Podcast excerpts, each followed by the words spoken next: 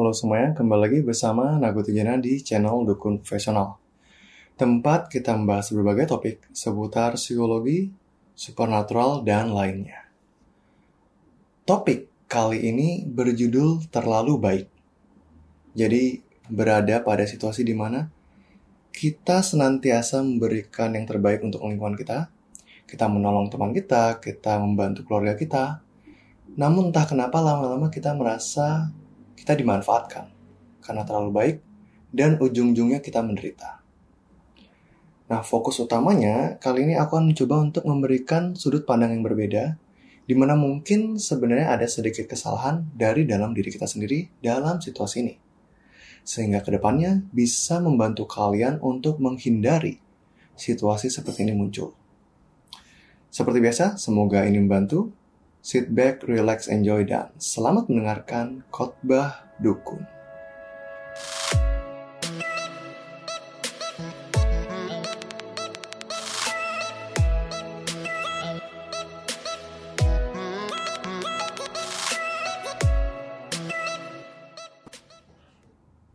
Bayangkan Anda berada dalam situasi ini. Anda dikelilingi dengan orang-orang yang penting dalam hidup Anda, jadi dari keluarga Anda, dari rekan kerja Anda, dari teman-teman kampus Anda. Dan Anda ingin yang terbaik untuk mereka. Jadi ketika mereka datang kepada Anda dan meminta bantuan, apa pun itu, Anda akan mengiyakannya. Kamu bisa nggak sih gantiin aku ngerjain ini besok? Oke. Kamu bisa nggak sih besok kamu yang bawa mobil? Oke boleh nggak sih kamu yang ngeprintin tugas yang bagian ini? Oke, kamu mengokekan semuanya, dan kamu pun tidak pernah mempermasalahkan hal itu. Karena ketika mereka senang, kamu pun senang.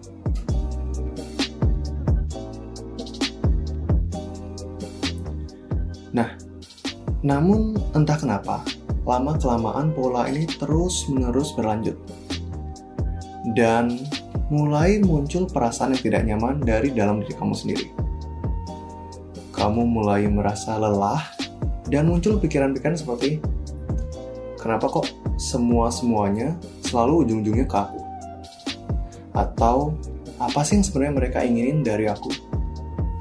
Atau, lingkunganku entah kenapa selalu aja nggak pernah berusaha mencoba ngertiin aku.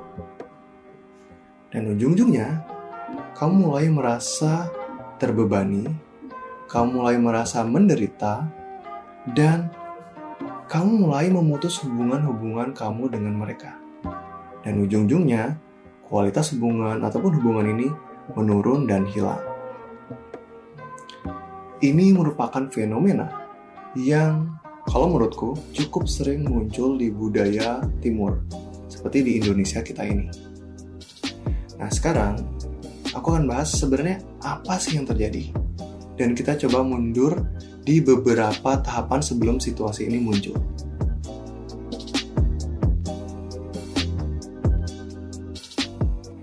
Jadi, kalau kita mencoba untuk pahami kembali, kalau kamu merasa terbebani ataupun kesal, sebenarnya kamu memiliki keinginan yang berbeda dengan apa yang orang lain harapkan.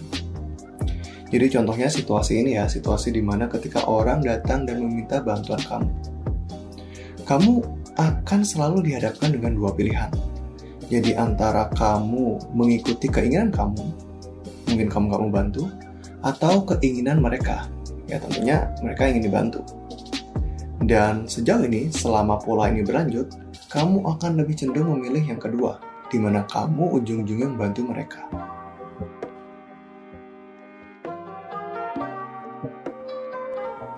Nah, kenapa sih kita selalu bergerak cenderung ke arah yang kedua? Ketika biasanya klienku dihadapkan dengan situasi ini, aku akan selalu mencoba menawarkan perspektif baru. Di mana sebenarnya kedua pilihan tersebut merupakan keinginan dari kamu sendiri. Jadi pertama adalah keinginanmu untuk melakukan hal yang lain. Yang kedua adalah keinginanmu untuk diterima oleh mereka. Karena ketika kamu membantu temanmu, mereka akan menyukai kamu dan kamu pun diterima oleh mereka. Jadi yang nggak kamu sadari bahwa ada ego di pilihan kedua ini. Bahwa ada keinginan bagi kamu untuk diterima oleh mereka.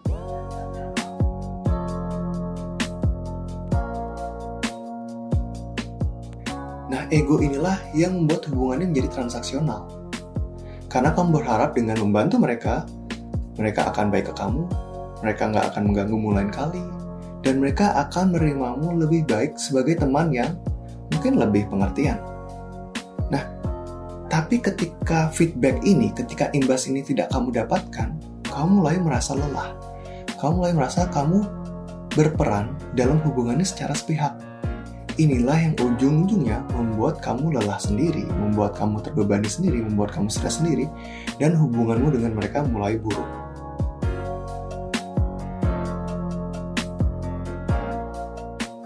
Nah, sebenarnya apa yang harus kamu lakukan?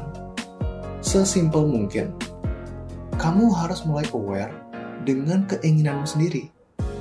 Di mana mungkin ya kalau aku tanggapin, selama ini mungkin kamu terlalu cenderung fokus ke keinginanmu diterima oleh mereka sehingga kamu bantu mereka. Sekarang kita coba mungkin fokus ke apa sih sebenarnya keinginanmu yang tidak terlalu memikirkan apa yang orang lain inginkan. Kamu ingin menghabiskan weekend dengan beristirahat di rumah, silakan.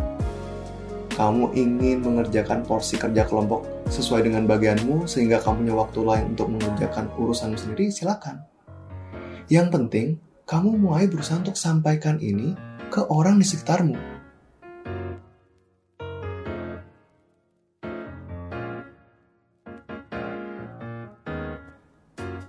Tentu ini awalnya suatu hal yang sulit, dan tidak serta-merta kita bisa langsung melakukannya besok juga.